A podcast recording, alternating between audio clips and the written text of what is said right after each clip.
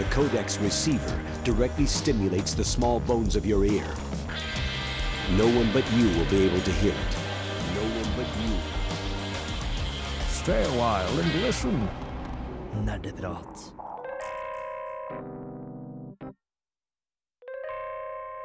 Hjertelig velkommen, mine damer og herrer, til nok en nydelig sending av Nerdeprat. Vi skal ha en tilfeldig generert sending i dag med permadeath, nemlig en rogelike-sending. Nå er jeg veldig glad i rogelike-spill og kunne sikkert stått alene og snakket om det i to timer minst, men heldigvis slipper jeg det, for med meg i studio har jeg fire deilige, flotte mennesker, nemlig Steinar. Og så var det. TM. Og Torben. Vi skal snakke om rogelights og alt det som gjør de fine. Vi skal selvfølgelig òg snakke litt om nyheter og hva vi har spilt siden sist. Uh, videre så skal vi få en liten jingle, og så kjører vi rett på. Åse Maren, har du spilt noe spennende siden sist? Vet du hva? Hva? Uh... jeg sitter på Origin Store og blander gjennom titlene som er i Origin Vault. Fordi, eller Access, Origin Access Vault. Hva er Fordi- Origin Access Vault? Det er ei tjeneste fra EA som gjør at du, har, du får sånn adgang til spill i et vault. da du kan, Som du kan laste ned og spille gratis så lenge du har en Origin Access uh, subscription. Der er veldig mange eh, spennende spill. Deriblant, jeg kom på det nå, Mini-Metro. Jeg blitt helt hekta på det spillet her. Eh, Mini-Metro går ut på å legge ut nye T-banestasjoner i, på visse antall maps, da, sånn London, New York, Beijing osv. Eh, og det er det. Du bare manager T-bane. Og så er det veldig enkelt interface, fordi T-banene eller T-banene er sånn firkanta, Og så har du stasjonene som er rundinger, og så har du linjer mellom dem. da Altså Dette høres nesten ut som det kun er liksom infrastrukturdelen av spill som City Skylines og SimCity og alle Det de er det! Det er det jeg skulle si! Det, det, det er kun infrastrukturspillene Jeg har en kjempebra idé til et spill. Vi tar vekk alle de gøye delene av City Skylines og SimCity, og så selger vi kun den kjipe liksom base management-delen av det. Jeg har faktisk spilt både City Skylines og Mini Metro. Jeg kan bekrefte at de har hver sin sjarm. eh, hvis du har lyst til å være Spurg, så kan du jo eh, spille Spurg er altså da en nerd, eller en obsessiv eh, Ja, en veldig obsessed, obsessed eh, nerd. Da kan du spille City Skylines. Men hvis du bare har lyst til å sette deg ned, spille i 20 minutter, eh, manage litt T-bane, så kan du jo spille Minimetro. Høres gøy ut. Hva var definisjonen på en veldig obsessiv nerd, eh, sa du? Eller ordet var Spurg. Spurg. Mm, aldri Kanskje Det var jeg som hørte ordet. Nei. Alle Også, flakka med blikket. I have wandered the halls of the ancient internet.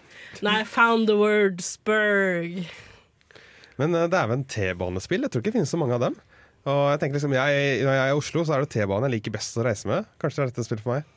Ja, spille. For du kan spille i fem minutter eller ti minutter eller fem timer. Det er én sitting, liksom. Det bestemmer du helt sjøl. Ja, det høres så gøy ut. Koster det mye? Det, det, kost- det er gratis med Origin Access, For, da. for de av oss som ikke eh, har Origin Access. Jeg tror det koster sånn 50-60 kroner eller noe sånt. Det er kjempebillig. Ja, men da så. Jeg må nesten si det at i min store dictionary så finnes ikke ordet spurge. Uh, Spurg. Spurg. S-p-e-r-g. S-p-e-r-g. OK, gi meg, Ja. gi meg ti sekunder. Skal vi starte spurgeprat eh, etterpå? Skal vi se. Mens Tor Magnus Det finnes heller ikke. Jo! Nei. Mysteriet fortsetter. Steinar, har du spilt noe juicy siden sist? Jeg har ikke spilt så mye juicy, men jeg har gått litt tilbake i min eh, spillkatalog og funnet fra Minecraft igjen. Eh, bare at denne gangen moddet, så nå spiller jeg noe som heter Sky Factory 3. Det er den tredje utgaven av Sky Factory, som er Har noen hørt om Skyblock Challenge? Ja. Nei. Det er at du blir plassert på én blokk inn i et void. Så det betyr at du har ingenting rundt deg i det hele tatt utenom en, en sapling til å plante til et tre og bygge deg ut ifra den ene blokken.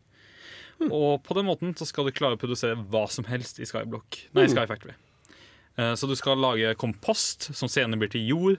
Du skal uh, sile ut jorda for å få pebbles til å lage cobblestone. Så skal du uh, ut ifra cobblestone lage en cobblestone generator, og sånn bygger du deg opp da til slutt til du kan produsere hva du vil.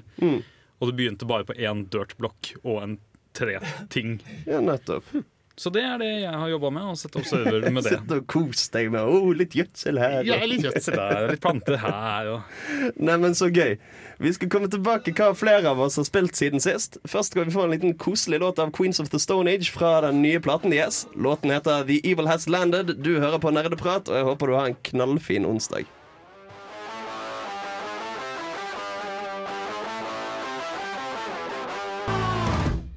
Det var Queens of the Stone Age med The Evil Has Landed. Og vi skal fortsette å snakke litt om hva vi har spilt siden sist. Tor Magnus, har du spilt noe gøy?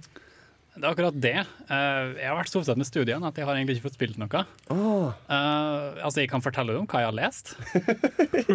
Jeg har lest heavy grammatikk. Du veit sånn oh, så eh, gøy! pronomen og du vet sånn uh, Altså, er det den gang, da, hver gang, når, og så videre? Hver gang da, Hva mener du? Nei, grammatikk, tenkte jeg da. Nå er det sånn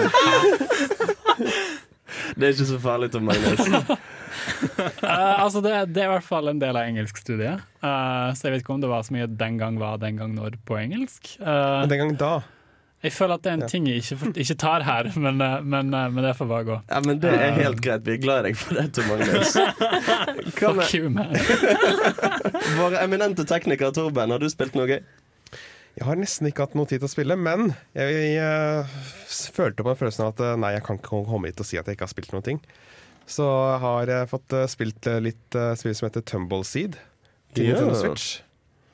Og det er, eh, kan minne litt grann om eh, disse eh, måte, spillene, de fysiske spill, spillene hvor det har sånn, eh, hva heter det, labyrint. Ja, sånn kulespill hvor du har Ja. en du vridde på på hver kant. Og så. Hvor du på en måte balanserer og får kula til å rulle gjennom labyrinten uten å skulle gå inn i noen av disse hullene. Mm. Og spillet si, det minner litt om det.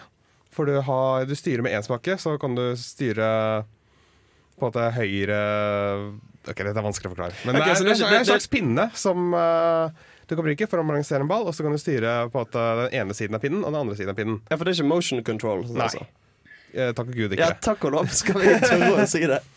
Så det er ganske sjarmerende. Det er visstnok en uh, worglike, men jeg har ikke spilt det nok til å dø. Så jeg vet ikke helt hvordan eh, den biten eh, funker. Kanskje jeg får tid til mens vi spiller noe musikk her på radioen. Det får vi sikkert, vet du. Jeg har selvfølgelig tatt med meg min Nintendo Switch i studio. Ja, så, du- ja, for det er kanskje sånn at du kan rekke et kjapt lite game inni låtene. Komme meg litt videre, kanskje. Ja. Not sponsored by Nintendo. jeg har tatt meg min Nintendo Switch inn i studio. Altså, Jeg har Nintendo Switch-lyden her til og med. Hvis du, ja. Er det Nintendo Switch-lyden? Men uh, Hans, hva yeah. du har spilt siden sist? Jeg er veldig glad for at du spurte. Uh, jeg har spilt en del av et spill som enkelte vil kalle en roguelike, som heter XCOM 2. Uh, det skal jeg ikke snakke så mye om nå, for det tenkte jeg vi skulle komme fint tilbake til senere i sendingen. Men det er ett spill som jeg har jævla lyst til å nevne, som jeg spilte for en ukes tid siden, som heter What Remains of Edith Finch.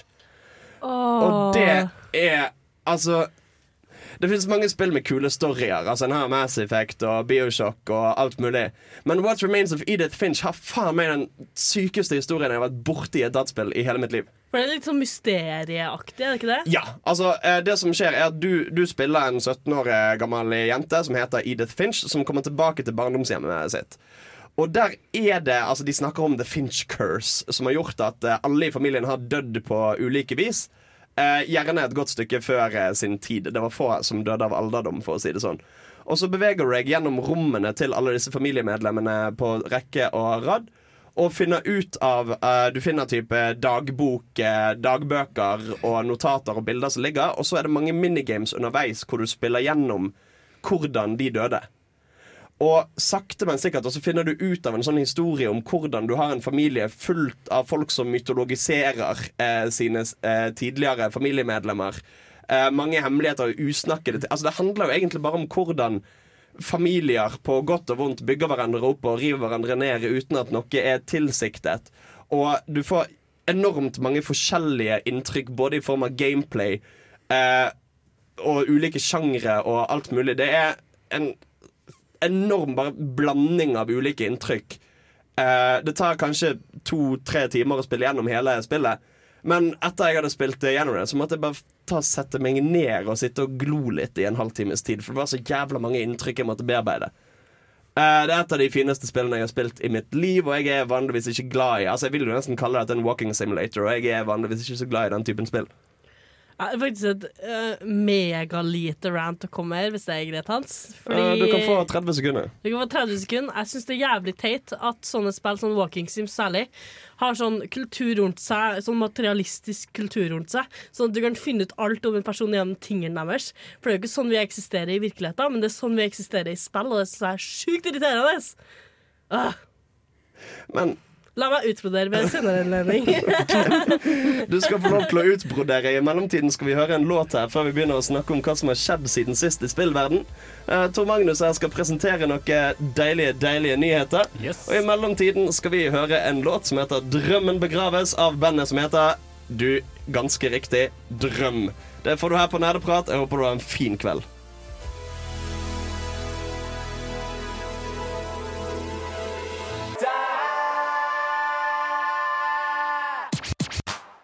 Nerdenytt. Det stemmer, mine damer og herrer. Vi er kommet til Nerdenytt, hvor vi informerer om det siste, det spennende og det ferskeste innen spillverden. Og Tor Magnus, hva har du til oss i dag? Ja, ja, masse rart. Uh, som dere alle vet, så skal jo uka skje nå snart. Og det er litt uh, info om det. Uh, litt forskjellig. Eh, South Park, eh, andre spennende nyheter om spill som kommer ut.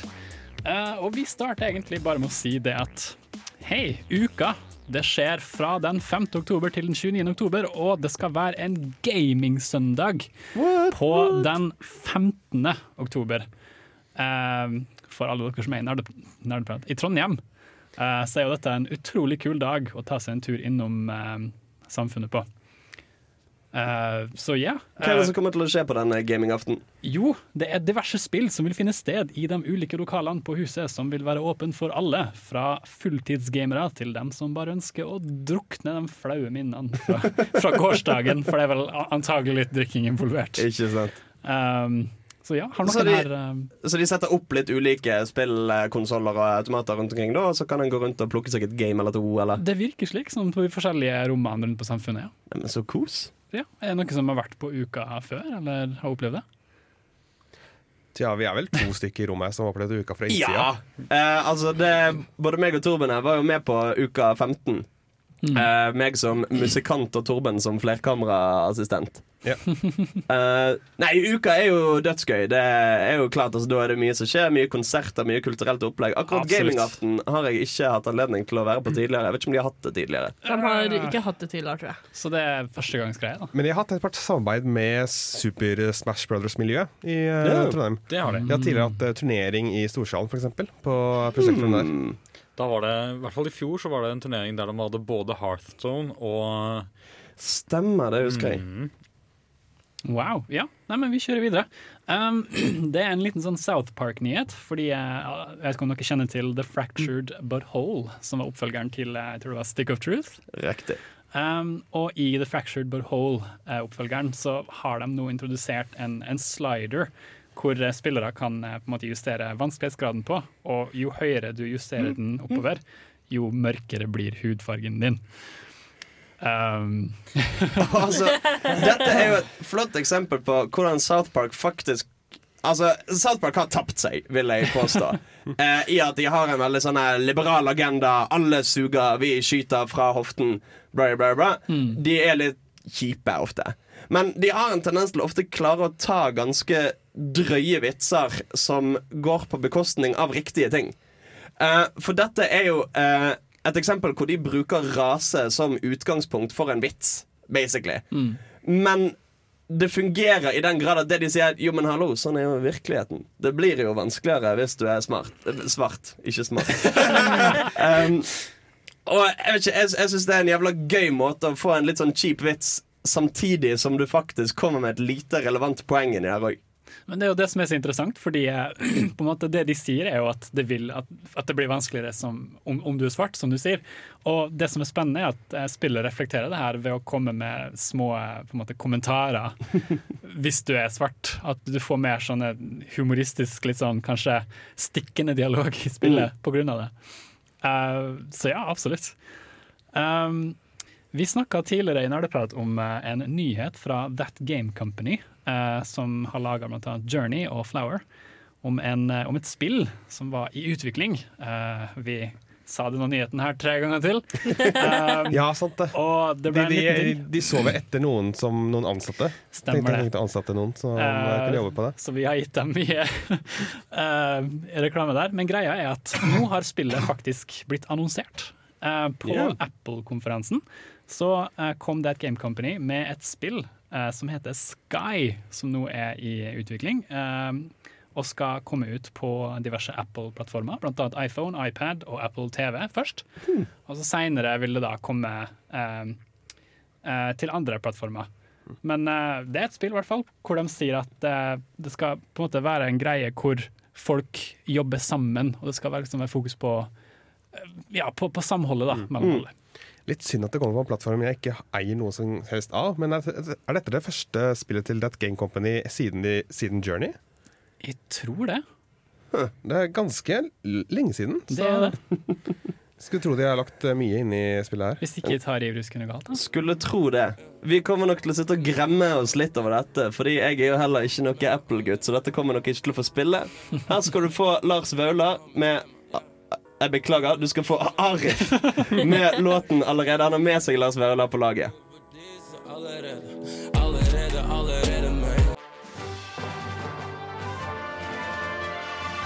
Du hører på Nerdeprat på Radio Revolt. Det gjør du, og vi skal ha mer nyheter. Hva har du til oss i posen, Tor Magnus? Jo, posen den er litt uh, saftig, og, men- litt sånn litt klissete akkurat nå. Fordi eh, det, det er en litt sånn rar nyhet fra Destiny 2 her. Um, Ja! Det var, det var en litt sånn uh, scary ting hvor Bungie, utvikleren, utviklerne, uh, av Destiny 2, måtte trekke et um, item fra eh, fra the, the Store, skulle jeg si, fordi eh, det var, hadde et symbol som var litt sånn eh, nazistisk. Eh, først hadde ingen anelse hva som skjedde, men Bungie sa på Twitter-brukeren sin at hei, vi har fått eh, vi, vi har sett at det er et sånt flagg, eller et symbol som ligner veldig på flagget til um, Kekkistan. Eh, som er veldig sånn alt-right, eh, litt nazistisk, uh, slik jeg forsto det. Ja, det er jo nettopp det. Dette er på en måte det nye symbolet som alt-right-bevegelsen, les nazistene, Ja. i eh, USA eh, bruker for seg. Og da er det kanskje ikke så greit. Altså, En kunne like så godt hatt eh, hakekors og Sigurd Hamar eh, som eh, decals deres. Så det, det artige er jo at, eh, dem- at ingen hadde fått med seg hva, hva det var først, men, men Bungie hadde sett det med en gang og vært sånn OK, folkens, vi må ta det her inn med en gang. Og Reddit var på saken sant, og fant ut at oi, shit, det her er kanskje ikke så lurt. Bra dere tar det inn. Yes. Um, så Ja, men det er jo, dette er jo kanskje et eksempel på hvor liksom, altså, den formen for eh, sensur av eh, ting i spill, hvor folk trekker noe tilbake pga. konnotasjonen i det, faktisk blir mottatt med litt sånn Ja, neimen, det syns jeg var bra dere gjorde. Jeg har liksom ikke, jeg har ikke lest noe særlig til at folk bare sånn «Øh, Jævla PK, Bunji. Folk er liksom faktisk litt sånn Ja, vet du hva? Det er greit at det ikke er nazisymboler i Destiny 2. Andre nyheter. Eh, For dem som er veldig glad i Super Mario 64, og kanskje har spilt det litt på, you know, på nett, eller noe sånt, så er det nå en Super Mario Online, eh, hvor eh, fans har satt sammen en eh, 24-spillers versjon. Eh, det høres kanskje litt mange ut, eh, men hvorfor ikke spille eh, det gamle spillet du likte, Mario 64, med opptil si ti andre, der dere kommer på konkurranser du kan løpe om kapp, leke gjemsel i Boos Mansion. Og så Jeg ser for meg at dette er det ideelle sin- scenarioet. Dette ville jeg hatt før når Super Mario 64 kom ut, og jeg satt og så på at venninna mi spilte. Det hadde vært ideelt hvis det kom ut da. da. Ja, Men nå kan, jeg, nå kan jeg endelig spille Dette blir litt som Skyrim online, føler jeg. Det er liksom noe jeg ville skje, ville skulle skje, men som jeg ikke trodde kom til å skje noensinne. Og nå er det vir- virkelig. Det jeg synes er det sykeste, er at dette er ikke en gjenskapning av Superman 64, med, og så har de lagt på litt online når de gjenskapte. Dette er en modifikasjon som bruker originalspillet. Å ja! Og så har de på en eller annen måte, som jeg ikke forstår, fått til online uh, Huh. Så du er nødt til å ha de, har, de disponerer ikke den originalfila, fordi den eier Nintendo. Mm. Men uh, du må ha den originalspillet, på en måte. Skjønner. Så, så det er dønn en mod av et eh, holdt på å si 25 år gammelt spill. Ja, Heller tøft. og det, det har de fått til av 24 som eh, spiller uh, samtidig over nett. Yep. En ting jeg kjenner jeg tenker på, da er hvor mye er det strengt tatt å samarbeide om i Super Mario 64? Nei, det, det er mer for gøy. Ja. Uh, leke gjemsel, swing om kapp, uh, gjøre ting sammen. Ikke sant? Men eh, vi har en, en veldig kontroversiell eh, nyhet eh, som vi nå skal bevege oss til. Hva har du gjort nå, PewDiePie? Ja, fordi PewDiePie, mine damer og herrer For dem som har fulgt litt med i media i det siste, så har PewDiePie drept på leggen nok en gang.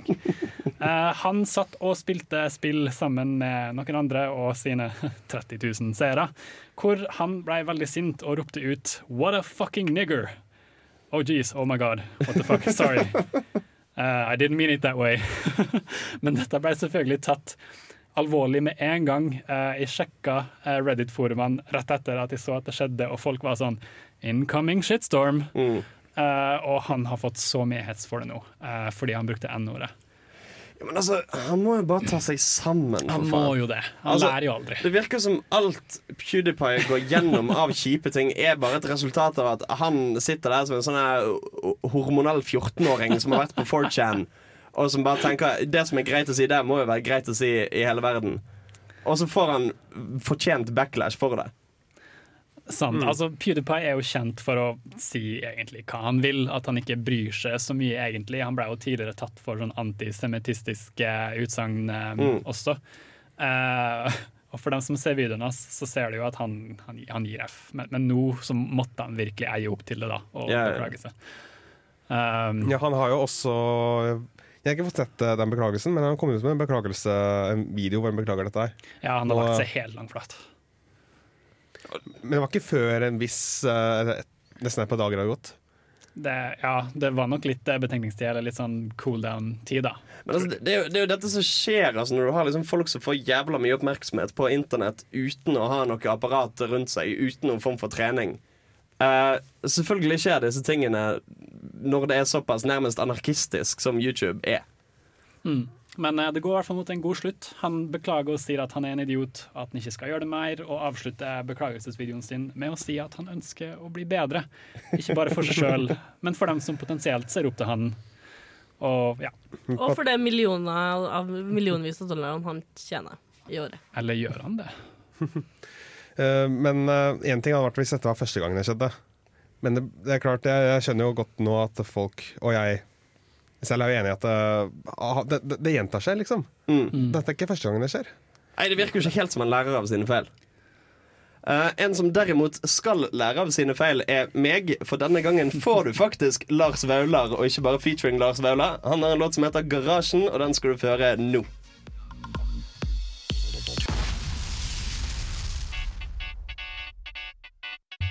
Når innså du at du var en gamer? Dersom du kunne spilt kun et spill i et år, Hva er det eldste spillet i backloggen din? og du var på en øde øye i helvete mens du var 11 år gammel, Hva har du lært fra spill som du har fått nyte av i hverdagen? Er det et spill som har hjulpet deg gjennom en tung periode av ditt liv? Hva er ukas spørsmål? Vi skal stille et spørsmål, nærmere bestemt jeg skal stille et spørsmål. Og vi skal så smått begynne å bevege oss inn på temabiten av denne sendingen. Vi skal jo, som jeg sa tidligere, snakke om rogelights. Og se for dere følgende. Nettopp du har havnet i en rogelight-situasjon. Du vandrer rundt i en dungeon som er litt kjent hver gang, men litt forskjellig hver gang. Det er noen nye rom, noen nye hindre, noen nye monstre. Du loker rundt i en times tid, og så dør du, og så våkner du opp og må gjøre det hele på nytt igjen. Spørsmålet mitt er Hvilken spillkarakter skulle dere hatt med dere på ferden? Hvem skulle vært deres kompan i uh, denne dungeon crawlingen? Jeg regner med at Simen er laga, ikke et valid Det kommer an på den bra sim. Altså, alle Sims er jo like bra eller dårlig. på en måte. um, jeg tror jeg ville ha tatt med en Pokémon av noe slag. Yeah. Uh, kanskje han med fire armer, han sterke. Machamp. Machamp, ja. For da, Så han kunne løftet han- unna og slåss for Ja. deg. Og... Nettopp. Så Det er være Matchoke som har fire. Nå husker jeg aldri om det er Matchoke Nei, Matchamp han står med fire. Matchoke det er han som sitter og tenker. Ja, ok. ja. Jeg blander jo alltid de to. For jeg vil ha han som er i Meta, han som har den striperen på musklene sine. Ja, det er Matchoke Det er Matchoke Ja. Eh, fordi han virker kulest. Men tenk hvis du er på en vannbane på denne dungeon crawlingen din. da. Nei, Også... men da er jeg fucked, da. Matcham kan være surf, så det går fint. Nettopp, stemmer det. det er sånn tulle... Ah. Ja, men da så, godt valg. Noen andre som har noe bra Jeg har tatt med meg Mercy, så kan jeg resse meg litt. Ja! av og til. Og det er cheat som faen! Jeg vet, jeg tenkte på det. For permadeath er jo dette enorme liksom, hinderet en har for å oppnå progresjon i disse spillene. Og så kommer hun og bare 'Heroes never die'. Yes. Faen, det er sleipt. Jeg vet. Pluss at hvis jeg mister liv, så kan du heale meg. Så er det sånn. Ja, ja. Og hun har en gunner som gjør overraskende mye damage, spesielt nå når neste patch går live. True, true. Lurt. Tor Magnus, Torben. Kan du gå før med Torben? Jeg trenger litt mer tenketid. Jo, Uh, vet du hva? Jeg, det er et spill jeg glemte å snakke om Når vi snakket om uh, hva Ja. vi har spilt siden sist. Det er et spill som heter uh, Mario pluss uh, Rabbids. Uh, Mushroom uh, Hva heter det? Kingdom, uh, Kingdom, Kingdom Battle. Kingdom Battle. Og der så har du en uh, figur som eh, heter Rabbit Peach. Som eh, er ganske Som kan heale, og som har et uh, skjold som hun kan bruke. Eh, som er laget av tyggegummi, omtrent. Selvfølgelig. Så jeg tror det hadde vært en grei hjelp for meg, fordi at uh, da kan hun Jeg kan bli healt. Litt sånn helbredet, som heter på norsk. Mm. Som uh, Steiner uh, kunne bli med Mercy. Jeg kan ikke bli gjenopplivet, tror jeg. Men jeg kan uh, bli Og så kan Rabbit Peach ta, og, ta imot eh, skaden fra fienden, mens yeah. Jeg eh, gjemmer meg eh, og er pissredd i, bak et hjørne. Nei, jeg tenker sånn Steinar, det begynte jeg å tenke på først nå. Enn hvis, eh, enn hvis Mercy ikke har full uh, ulti, ulti-charge? Da er jeg jo fucked, men det er jo ikke det er fortsatt, Jeg er fortsatt en healer. Da må, du bare, da må du få henne til å gjøre alt, sånn at hun bygger ulti-charge. Ja, ja, ja. Og så Ta litt skade hele tiden. Så det blir et smertehelvete. For Ja. du må alltid bli truffet litt hele tiden. Du kan ikke dodge så mye, bare så hun kan Det er bygge sant. ulten sin. Du kan også skyte da for å få ult. Så Det er sant. Så det er litt, dere tenker litt i samme bane, med liksom helbreding. Ja. Jeg, jeg hadde egentlig lyst til å prøve å finne en figur som kunne spole tilbake tida sånn ti sekunder eller sånt. Men Ja, jeg, jeg ikke på det. Coldfield Nei, Caulfield. Fra, Hun fra Life is Strange. ah, ikke Og så er tima, altså tida skrudd tilbake. Jeg tenkte på den prinsen fra Prince of Persia. Som ingen som har spilt Prince of Persia. Jo, jeg, jeg veit hva du mener. For han kan bare Og så hopper han ti sekunder bak i tid. Og han er jævla god å fighte, så han kan hjelpe å drepe monstre og diverse. Max kan skru sånn 20 sekunder bak i tid. Lol. Ja, men kan hun fighte? Oh, Eh, nei. God. Men nå kan bare spole seg ut av fighten. Har du kommet på noe gøy, Tom Magnus? Vet du, altså Når det kommer til sånne situasjoner, så vet jeg at de er fucked uansett. Mm. Uh, så jeg vil heller bare ha med meg noen som er godt selskap. Uh, så jeg, altså Det første jeg tenker på nå, er Phoenix Wright. Eh, Ja. At vi bare kan gå rundt og ha koselige dialoger mens vi vet at vi kommer til å møte vår ende uansett. Og så kan jeg i hvert fall rope ut 'I protestere!' før, eh, før jeg dør. Og ja, det får bli det. Ja, men Det høres ut som det er godt selskap. Uh, vi skal gå videre i temaet. Vi skal snakke litt om de faktiske karakterene som må bevege seg rundt og begi seg ut på disse endeløse dungeonsene og alle farene de byr på. I mellomtiden får du King Gizzard and The Lizard Wizard med Countdown.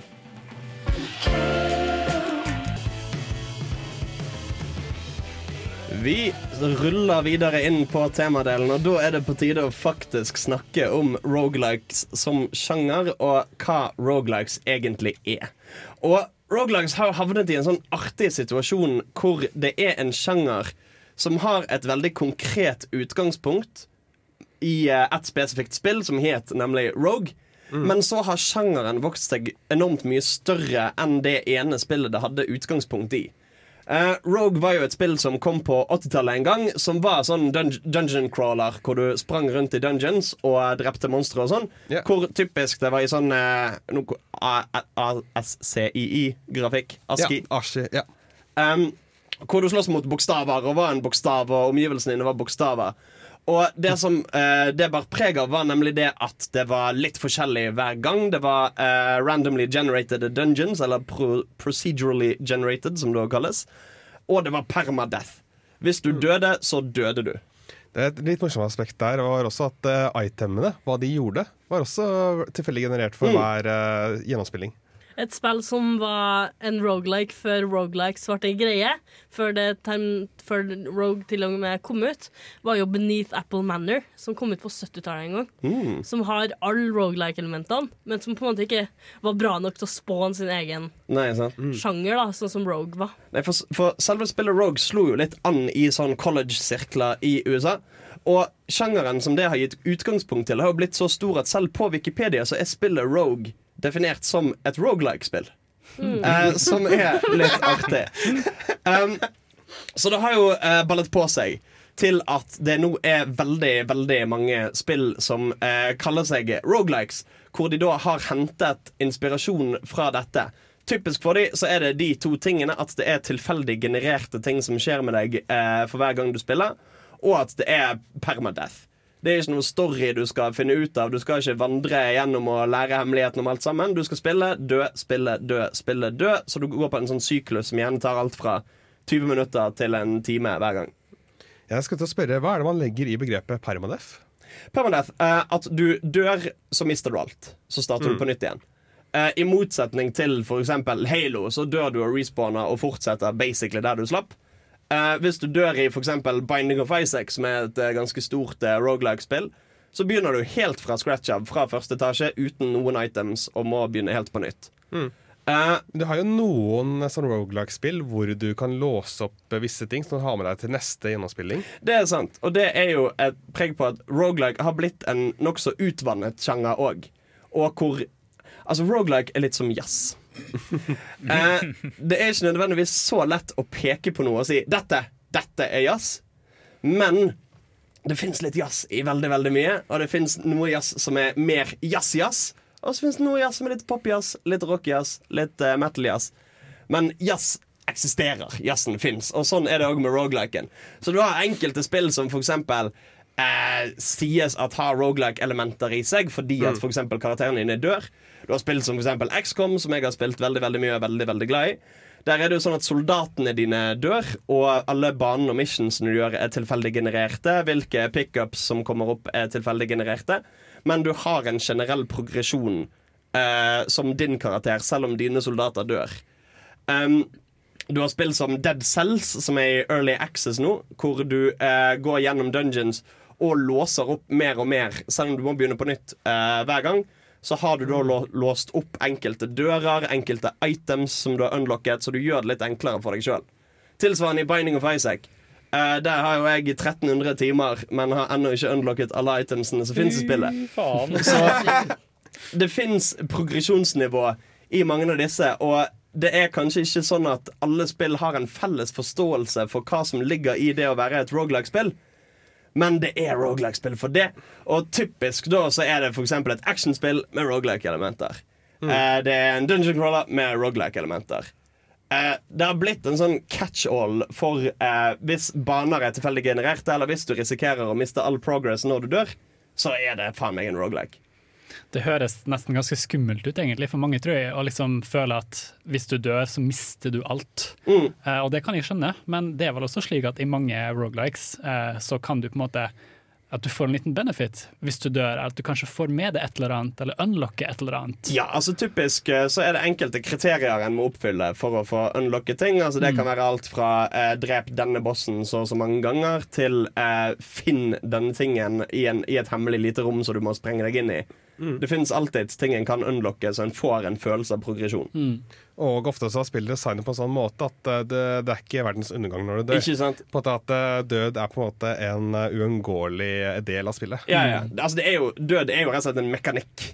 Eh, det er en del av spillet, så det å komme seg i gang på nytt igjen er veldig fort gjort.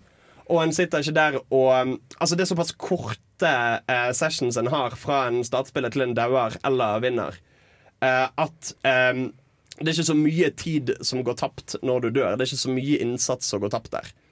Det gjenspeiler jo også virkeligheten veldig, fordi vi kommer jo alle til å dø. Mm.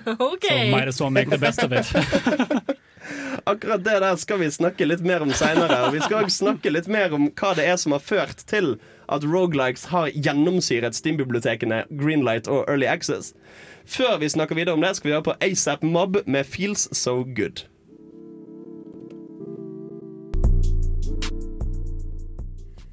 Det har seg jo sånn nå at Rogalikes har slått vanvittig hardt gjennom. Det kryr av det på Steam, spesielt gjennom Early Access og indie-spillene som ligger der. Uh, så det jeg kjenner jeg lurer litt på, er hva er det som gjør at Rogelikes har slått så an som de gjør? Hva er det som gjør at det er blitt på mange måter en veldig dominerende indie-sjanger? Jeg tror at det, ligger, det ligger jo en viss eh, en måte, sense of mortality i det. sant? At du kommer inn og du vet at et feiltrinn kan gjøre at du dør. Og det er utrolig spennende. Her kommer det.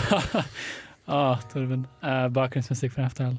Um, og jeg tror at det er dette som er måte, det spennende. da, At du, du, du har ikke lyst til å dø. Du vil se hvor lenge du klarer å vare. Å nei, jeg døde. Shit. Ja, ja, ja. Prøv på nytt. Ikke sant? Jeg føler at når jeg spiller sånne type spill, så blir jeg enda litt mer satt inn i spillet. Jeg tvinger meg sjøl til å ha litt mer eierskap over det jeg gjør. Mm. Eh, Fordi det er, alt er min feil. Blir jeg skada og mister liv, eller er jeg på vei til å dø og faktisk dør, så er det min feil. Og da blir jeg dritsåra eller skuffa eller lei meg. Så jeg føler mye mer når jeg spiller sånne type spill.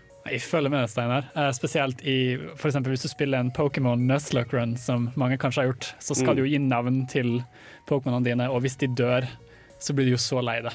Sant? Her hadde du Snorlaxen hans, men han døde, Ja, ja, ja. og da må du slippe han fri for alltid.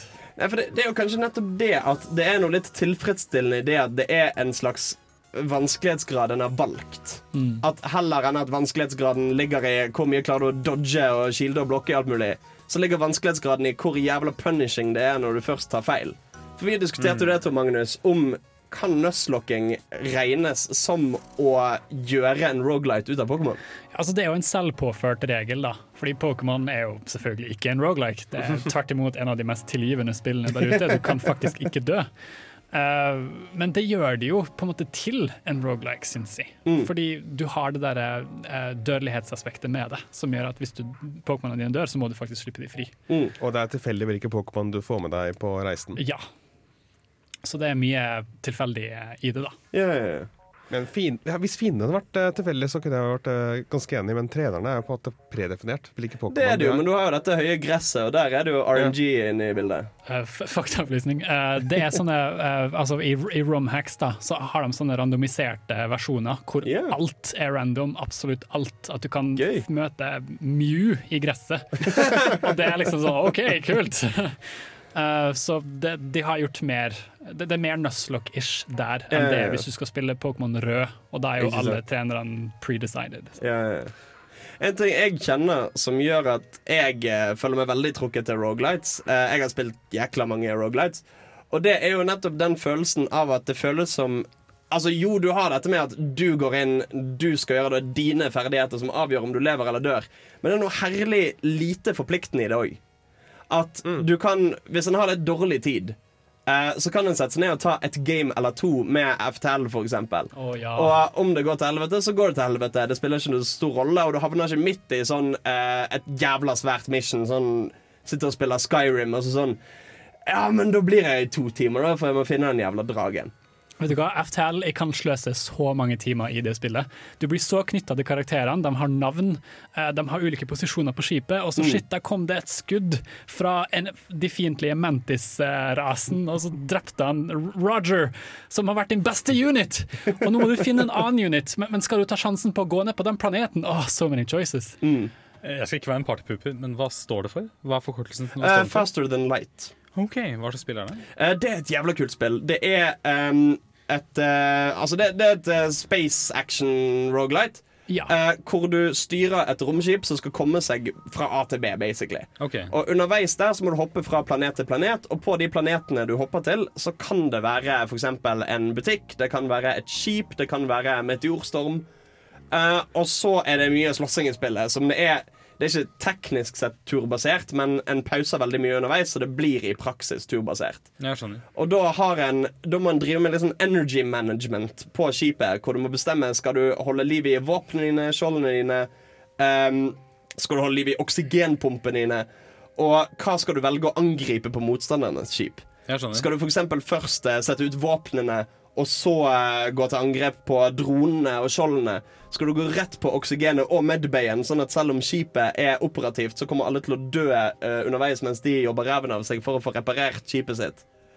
En har en del valgmuligheter til hvordan en skal gå fram. Jeg skjønner. Eh, og der òg er det denne prosedyregenereringen med at du vet aldri hva du møter på. Du vet aldri hva du kommer til å få, hva slags våpen du kommer til å ha tilgjengelig, hva slags um, crew du kommer til å kunne ha. Så du må ta en del avgjørelser underveis som bygger runnet ditt. da Utrolig godt forklart. I tillegg så kan du ikke bare gå rundt og plukke opp alle ressursene du vil.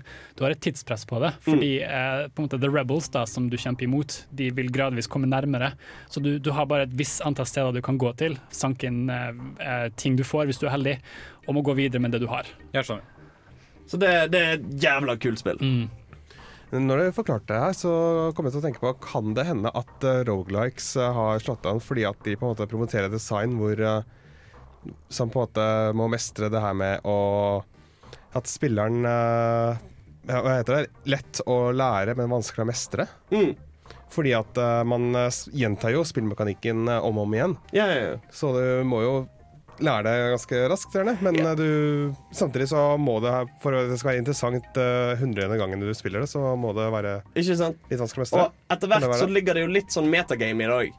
I det at OK, jeg vet at dette er det spillet jeg kaster på meg, men hva kan f.eks. jeg gjøre for å eh, påvirke RNG-en i spillet? Hva kan jeg gjøre for, for å avgjøre sannsynligheten for visse item drops i Binding of Isaac? Eh, hvor for eksempel OK, jeg har fått guppies på allerede. Hvis jeg plukker opp eh, left på, så kan jeg øke sjansen for å få røde kister, som kan øke sjansen for at jeg får guppies tail. Den vil gi mer kistedrops, så da kan jeg igjen øke sjansen for å fullføre guppy collection. Altså, en har en del valg en kan ta som en skjønner etter hvert. Hvor en på en måte føler at en lurer spillet og får et ekstra mestringsnivå utover det. da Hvor på en måte spillet blir til Spillet blir til en slags lekeplass. Og så kan du følge reglene som de skal gjøre, eller du kan bare breake spillet totalt. Og det, det for, i hvert fall for meg fungerer jævla greit som et slags trekkplaster for spillene. Vi skal snakke litt mer om Rogalight-spill og hvordan de gjennomsyrer resten av spillene som finnes der ute. Før det så skal vi få litt mer hiphop her på Nerdefeber. Eh, vi skal høre en ung Ferrari med låten 'Hologram' her på Nerdeprat.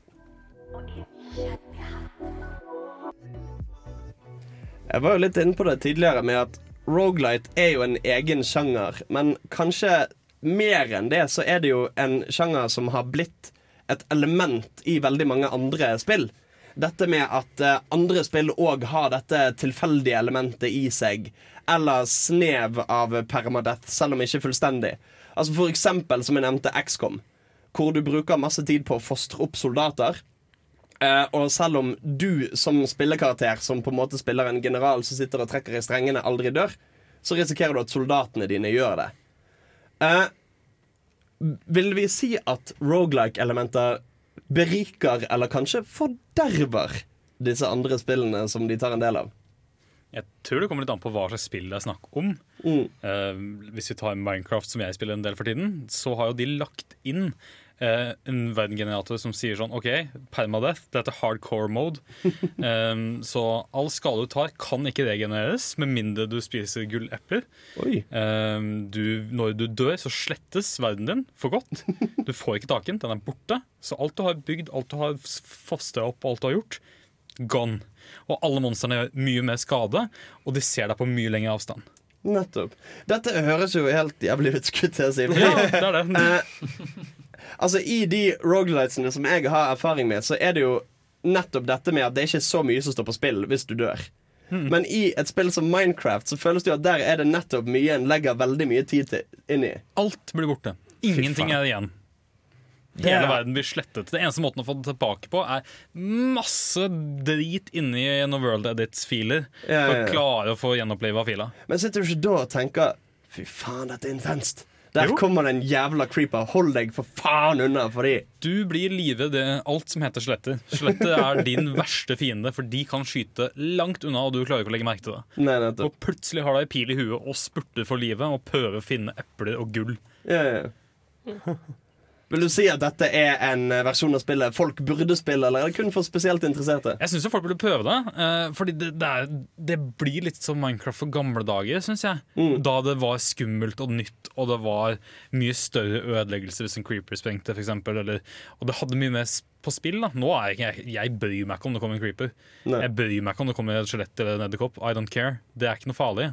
Men i en hardcore setting, der du ikke får tilbake liv, og du faktisk dør, og slettes alt, så får du igjen den spenningen da som spillet har mista litt, mener jeg. Mm.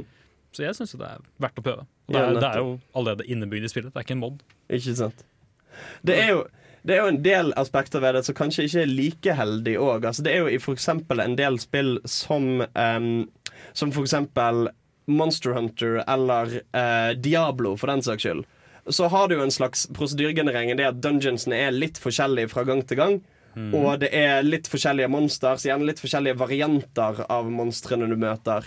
Om de er spesielt store eller små, og kanskje verst av alt eh, tilfeldig hva slags drop en får. Hva slags loot som blir liggende.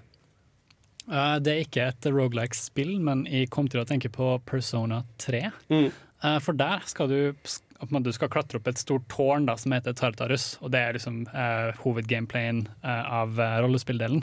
eh, hvor eh, hvert, hver etasje nesten er sånn random, randomly generated. Og det kan være Altså, hvis hovedkarakteren dør, sant, så er det- game over. Og greia er at du kan være uheldig i visse etasjer hvor en veldig veldig sterk fiende kan komme opp og ta det bakfra, rett og slett. Um, og, og det gjør det mye mer spennende der og da, sant? Mm. for du vet aldri når det kan skje. Du har kanskje grinda i to-tre timer, tenker nå skal jeg snart legge meg, og så blir du litt trøtt og uforsiktig, og så bam! Mm. Der mista du tre timers progress. Mm. Ah. Det er også en vanlig kritikk av store sånn prosedyregenererte verdener, at uh, du mister på en måte litt når det ikke er håndlaget. Det er sant. Og det, ja. Eh, Et eksempel på dette er jo Elder Scrolls Staggerfall, som ligger veldig nært mitt hjerte. Eh, Der er jo alt, der er jo verden for det meste prosedyregenerert. Mm. Eh, og du må liksom fylle inn navnene på bygningene sjøl. Sånn. Du må liksom Å, der var en pub, da skriver jeg inn det var en pub i mappen, og så lagres det. Men der var det, en veldig stor kritikk av Daggerfall var jo at alt endte opp med å være det samme, ellers så ble det for stort. Mm.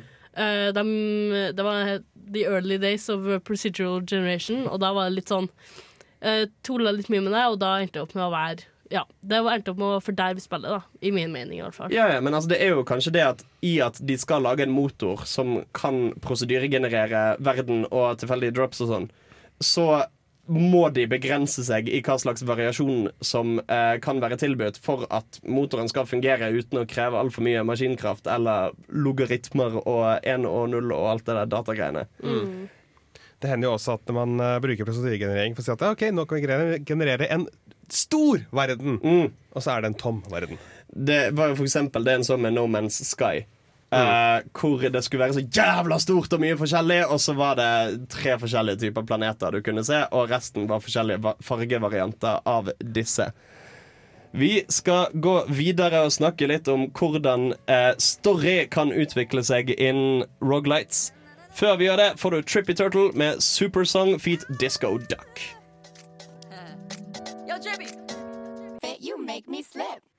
I og med det at Rogalights har permadeath og tilfeldig genererte maps, så er det ikke alltid sånn at storyen er det store, kule i Rogalights. Det som jeg derimot har tenkt på med Rogalights, som de gjør på en annen måte enn egentlig noen andre sjangre, er at de gir en mulighet til å skape sine egne historier.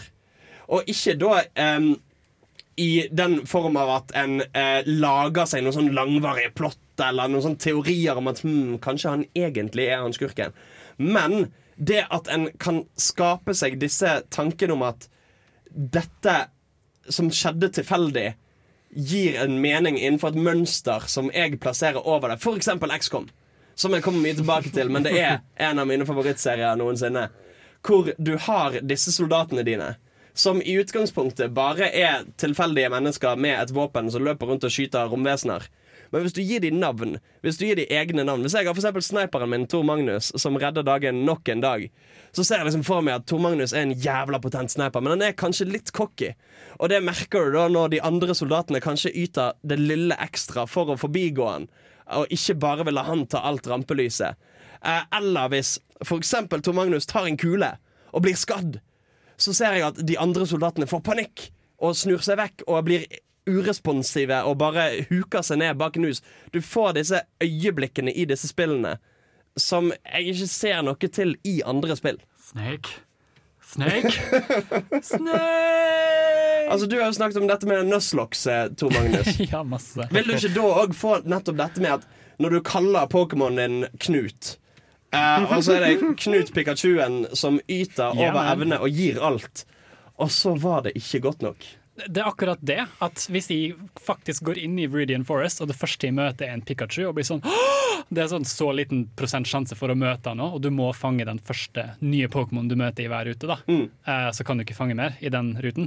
Eh, Så hadde de blitt så glad i den Pikachuen, ikke sant? Fordi det er jo så sjeldent å få tak i han. Og Knut skal bli ditt navn. Vi skal gå på mange lange reiser. Og shit, her var det en vanskelig kamp. Og jeg kan jo ikke hile midt i kampen. Men, men Knut, nei, du kan ikke dø! Men så dør Knut! Nei! Knut! Det var jo mange sånne øyeblikk i Griffin McElroy sin Nuzlocke Run på Ja. Polygon YouTube-kanalen. Der eh, det var sånn du, Til og med du som var tilskuer, ble sånn skikkelig For eksempel starter-Pokémon, som, som heter Jiffin, som er den magiske reven. Mm. Som Jeg husker ikke hva det heter. Jeg er veldig dårlig på Pokémon, så gøy. Som eh, Når han var nær døden, så var det sånn Åh! Å shit, Kommer han til å overleve angrepet her? Mm. Kommer til å overleve angrepet her? Og det får du ikke i vanlig Pokémon. Og det som òg er fint med det, er at det er så lite skriptet.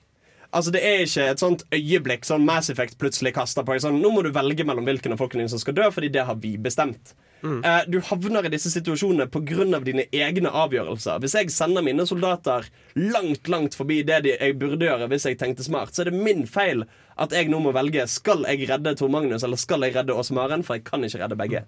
Ja, for jeg har inntrykk av at det litt sånne historier som du på en måte opplever selv, og som du lager selv, på et vis. At de på en måte stikker mye bedre til deg enn eh, på en måte de historiene som andre folk har laget for deg, og som du Ja, ikke sant? gjennom. For det føles mer levende med en gang. Det føles ut som noe som faktisk eksisterer, noe som faktisk lever, heller enn at det bare er en eller annen fyr som har skrevet eh, Snakke, snakke, snakke, dø. Jeg føler at er, er det noen gang at herre ikke gjort At man skaper narrativ, metanarrativ ikke med vilje, og dermed fritar seg sjøl fra å lage et narrativ i utgangspunktet? Kan det være en sånn shortcut til å lage et bra spill uten egentlig å legge så mye effort i det? Har det noensinne skjedd? Jeg vet ikke, altså Jeg klarer ikke helt å se for meg hvordan du skal lage en veldig rik story i et spill som har så mye tilfeldig ved seg. Eh, fordi jeg vil jo påstå at de spillene med best story er de mest lineære spillene. Altså Som eh, for eksempel What Happened to Edith Finch. Kjempelinjert. Der er du basically på skinner gjennom hele spillet. Eh, det vil jeg kunne si Bioshock Infinite, for eksempel. Kjempelinjert, men har en jævla kul story. Eh, jeg syns storyen forsvinner jo mer valgmuligheter en har, og jo mer tilfeldig det har, og at det kanskje er til spillenes styrke og fordel at de ikke bruker så mye tid på story. Nå er det riktignok noen som gjør et forsøk. Det skal vi få snakket mer om etter en liten pause.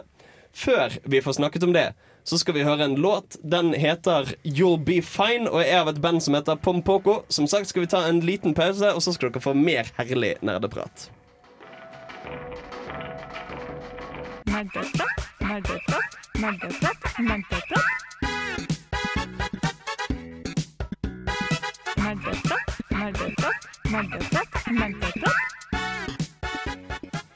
En ting som jeg synes er interessant med Rogalights, er jo nettopp dette med at død er en så stor del av gameplayet. En skal dø mye.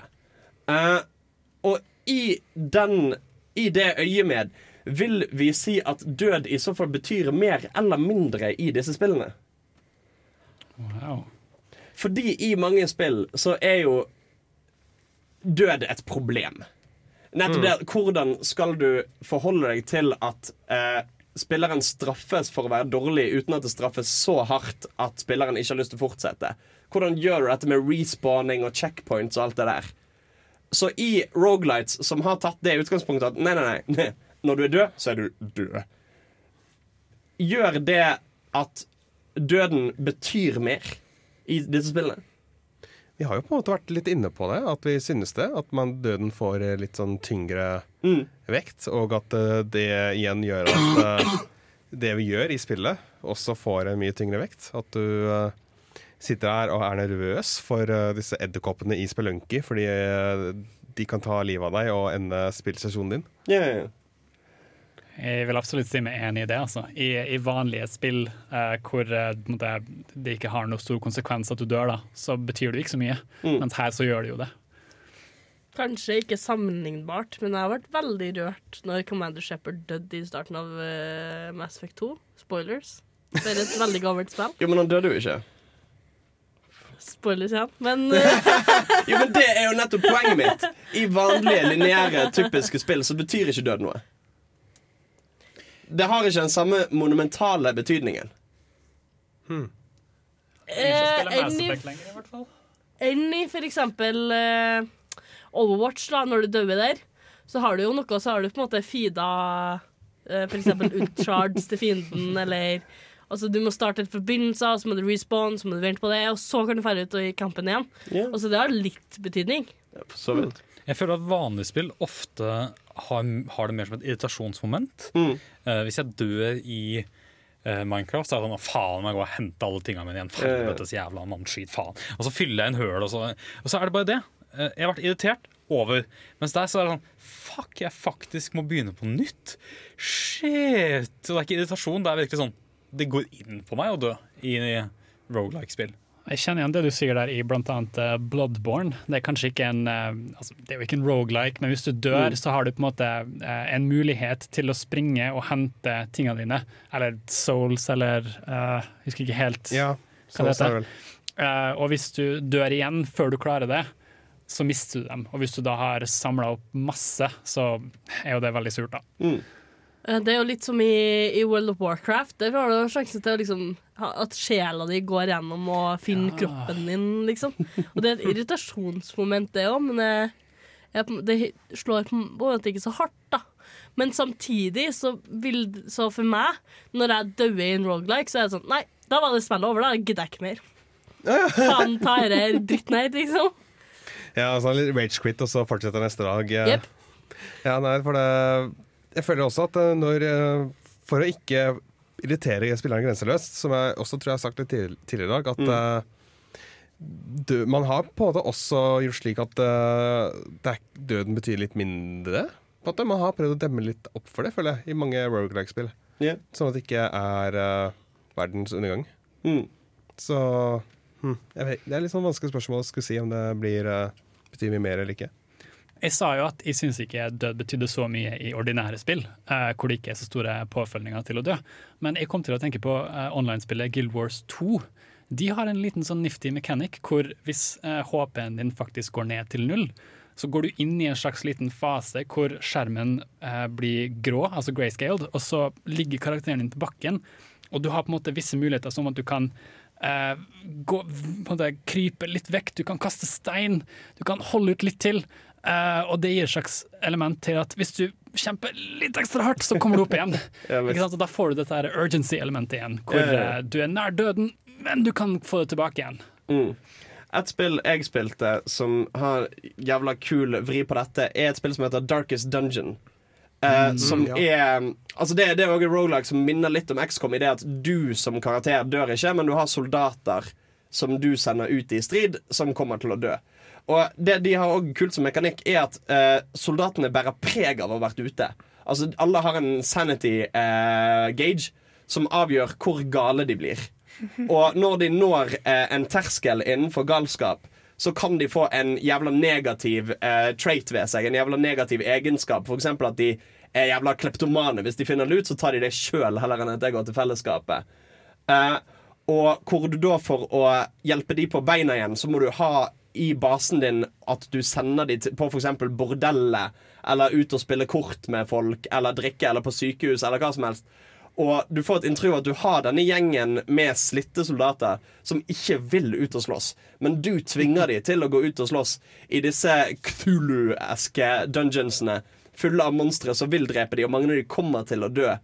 Og du tvinges til å stå der og ta den avgjørelsen og si at vet du hva, du kan hate dette så mye som du vil, men du skal ut. Og når de dør, så sitter der faktisk med litt dårlig samvittighet. Jeg sitter der og tenker at denne karakteren ville ikke dette, men det var min avgjørelse at han skulle gjøre det. Fordi Mm. jeg måtte komme videre og ha den luten for å oppnå min egen progresjon i dette. På tross av hva denne karakteren kanskje ville. Og det ville jo mista hvis denne, karakteren ris på nå etter tre runder. Ikke sant? Det hadde mistet mye mer dybden med seg. Så det finnes mye interessant en kan gjøre med dødsfall og hvordan en dør i spill, respawning og alt det der. Rogelights har kanskje valgt en interessant løsning. Kanskje han kan bli litt masete. Hvem er vi til å si ja eller nei? I mellomtiden så skal vi få Brenn med låten Picasso.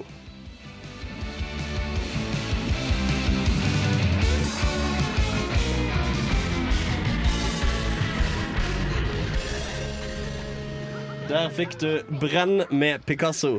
Og vi skal snakke litt mer om Rogalights her på tampen av sendingen. Jeg er litt nysgjerrig, for jeg har jo snakket mye om mine favoritter innen Rogalights. Jeg har snakket om Binding of Isaac og XCOM. Eh, hva er deres favoritter innen Rogalights? Hmm. Hvor er det jeg plasserte gresshoppelyden? Uh? Tor Magnus, du har en klar favoritt Eh, altså, jeg har jo nevnt FTL, Faster Than Light, uh, som jeg har logga gud så mange timer i. Uh, som jeg har som min desidert favoritt når det kommer til uh, rogelikes. Og hva gjør at denne troner over alle de andre? Ut av alle rogelikes jeg har spilt, mener du? det er ikke så mange. Men denne har på en måte uh, klistra seg til meg, da. Fordi greia er jo at i tillegg til å være et romspill med veldig sånn mystisk og stemningssettende musikk, som vi hørte tidligere når Torben eh, satt på en koselig FTL-låt i bakgrunnen, um, så, så har jo karakterene du Thank you. så har jo karakterene navn. Og det er veldig mye måte, som kan skje med disse karakterene. Du møter kanskje en planet hvor du får muligheten, eller valget, til å sende en av disse karakterene ned fordi det er potensielt liv der nede. Skal du utforske eller ikke? Du kan ta sjansen og komme tilbake med masse kult, eller du kan få beskjeden om at nei, karakteren din døde fordi det var voldelige dyr der nede som tok livet av han, og vips, så er han borte for alltid. Og det er dette mystiske og utrolig ja, Jeg gjentar meg sjøl. Det er kult. Jeg har to spill som jeg har spilt, og det er FTL, som ikke helt uh, Som Tor Magnus allerede har tatt. Men favoritt, jeg tror jeg må ta favorittspillet mitt. Uh, det må være Crypt of the Necro Dancer. Ja. Ja, det har jeg hørt om. Fordi jeg elsker musikken, jeg elsker mekanikkene. Jeg elsker uh, måten du kan på en måte For du kan kjøpe, bruke diamonds og på en måte kjøpe de tingene du mister når du dør. Mm. Så eh, det fjerner mitt irritasjonsmoment med rogelikes. Det at det faktisk er en progresjon der med at du låser opp mer og mer. Ja, Uh. Cryptos Necrodancer har jo en litt unik eh, mekanikk i forhold til hvordan du beveger deg og angriper. Kan du ikke fortelle Ja, litt om det eh, også? fordi du må bevege deg i takt med musikken. Uh, og hvis du ikke gjør det, så kaller de Jeg tror det, de scorer critical hits eller noe sånt. Mm. Uh, det, så det gir et sånn Så Du må følge med på musikken samtidig som du må følge med. Og hvordan tekst skal jeg bruke nå, bla, bla. bla, bla. Mm. Så det blir veldig ganske intenst, da. Ja, for det er jo det at du må tenke på Og der handler det litt om at det du tjener på det å ha spilt gjennom banen en del ganger, for du må lære deg å kjenne igjen monstrene og fiendene du møter på. Og lære deg mønstrene de beveger seg i, for de beveger seg jo òg i takt med musikken. Mm. Så da må du planlegge sånn OK, hvis jeg hopper, hopper, hopper fram, så tar du de. Og så hvordan skal du få det til å passe opp med at du har begrenset område å bevege deg på? Eh, visse ting, Hvis du slår i en vegg, så beveger du deg ikke fram nødvendigvis, men du blir stående. Kan du bruke det til din fordel for å legge et lite bakhold mot fiendene som jager etter deg? Og alt dette må du holde styr på mens du beveger deg og hopper i takt med musikken. Jeg syns det er jækla kult. Det er kjempegøy. Steinar, har du noen uh... Ja, det jeg tenkte Jeg har heller ikke spilt så veldig mye rogelikes. Jeg har gjerne spilt spill med elementer av det. Mm. Uh, men det spillet som er rogelikes som jeg har spilt ordentlig mye med kompisen min, det er Binding of Isaac. Yeah. Uh, og jeg tror det er mitt forutspill. Jeg syns det er vanskelig. Jeg synes det er et virkelig vanskelig spill, og jeg dør ofte. Mm. Mye. Mens kompisen min er god i det. Så vi pleier å ha ganske gode kvelder med, der vi sitter og spiller det ved side om side, holdt på å si hvert vårt spill. Mm. Eh, Så for min del så blir det spillet bra på grunn av folka rundt meg som er gode og fortalt meg historier og vist meg hvordan å spille spillet. Og det har jo Altså det har jo en spesiell ting i forhold til veldig mange andre rogelikes med at det er så jævla mange items i spillet. Ja. Eh, Det er enormt mange forskjellige pickups du kan få, som gir deg fordeler alt fra at du angrepene dine blir sterkere, til at du får mer HP, til at de fundamentalt forandrer hvordan eh, prosjektilene dine flyr. Ja, det er litt stas da, den skryteverdien. da Mm. var, Det var vel en dropp Jeg husker ikke hva det heter nå, det er lenge siden. Men jeg fikk en dropp som ikke kompisen min han hadde fått tak i, og han yeah. hadde virkelig hadde leita etter. Ja? Og jeg var helt tilfeldig, bare fant den. Og jeg, jeg tror jeg har plaga han med det dritlenge. Ikke sant? Og i mange andre spill så er det sånn at du kan finne Du kan finne for eksempel et jækla bra våpen eller en Mm. pickup som er eh, altså objektivt bedre enn alle de andre.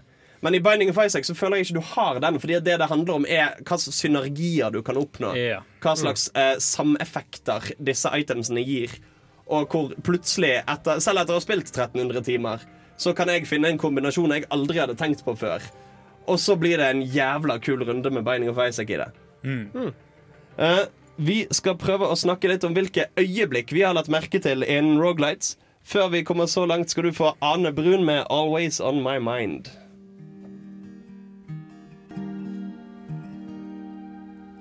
Vi har snakket litt om hvilke spill som var våre favorittspill innen Rogalight-sjangeren.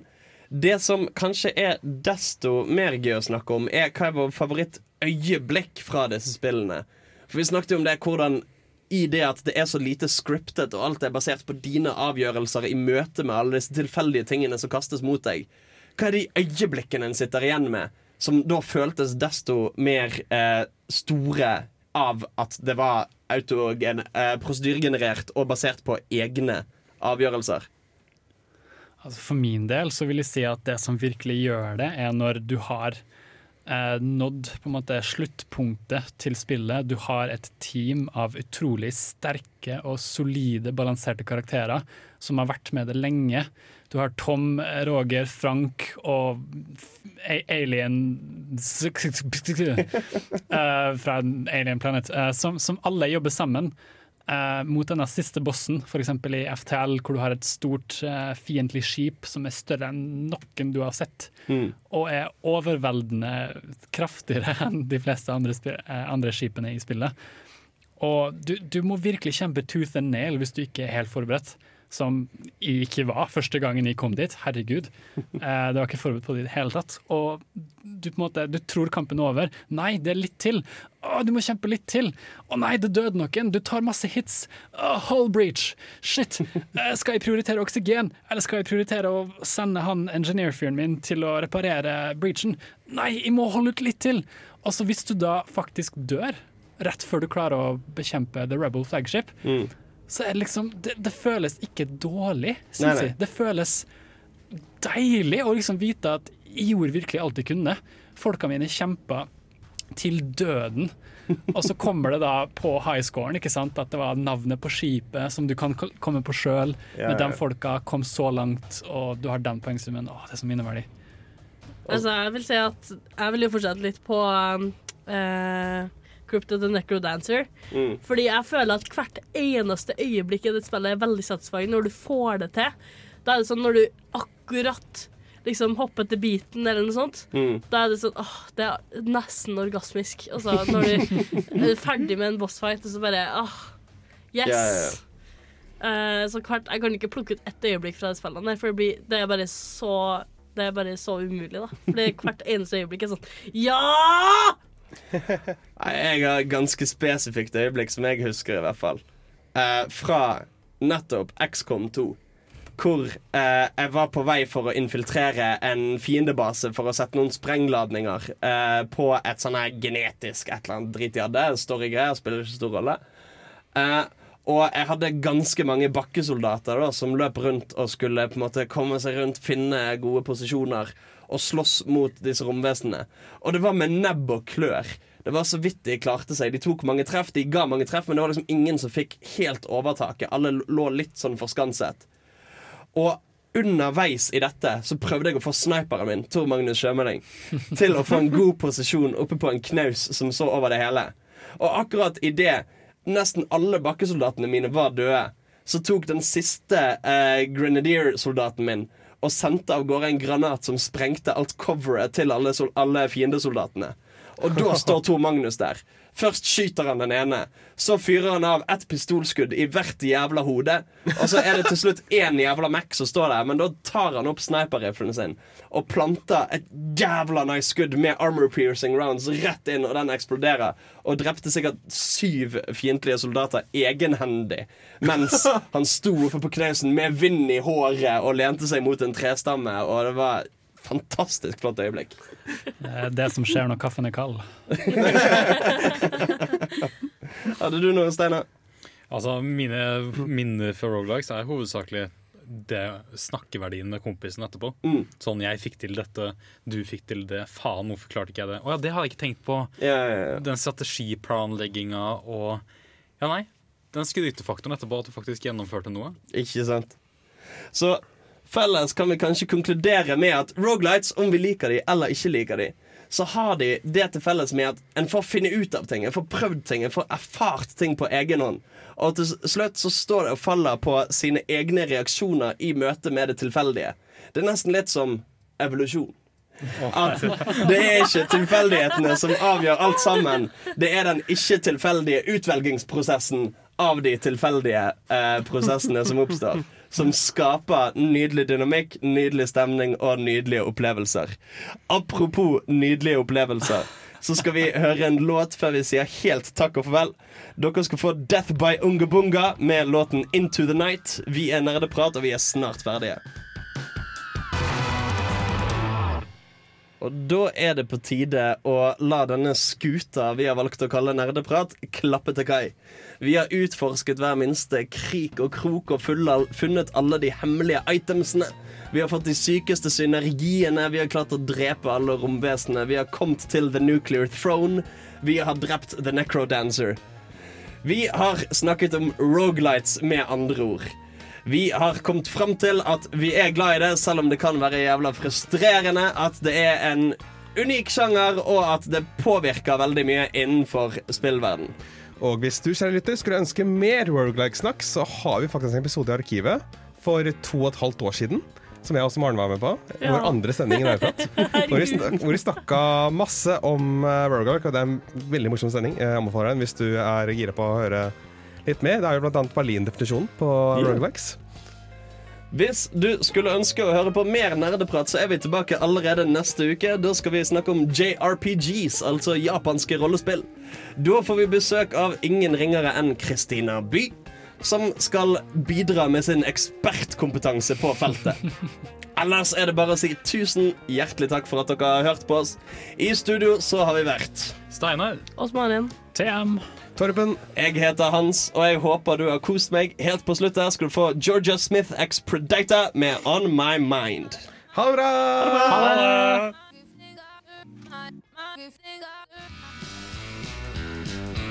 Du lyttet nettopp til en podkast fra Radio Revolt.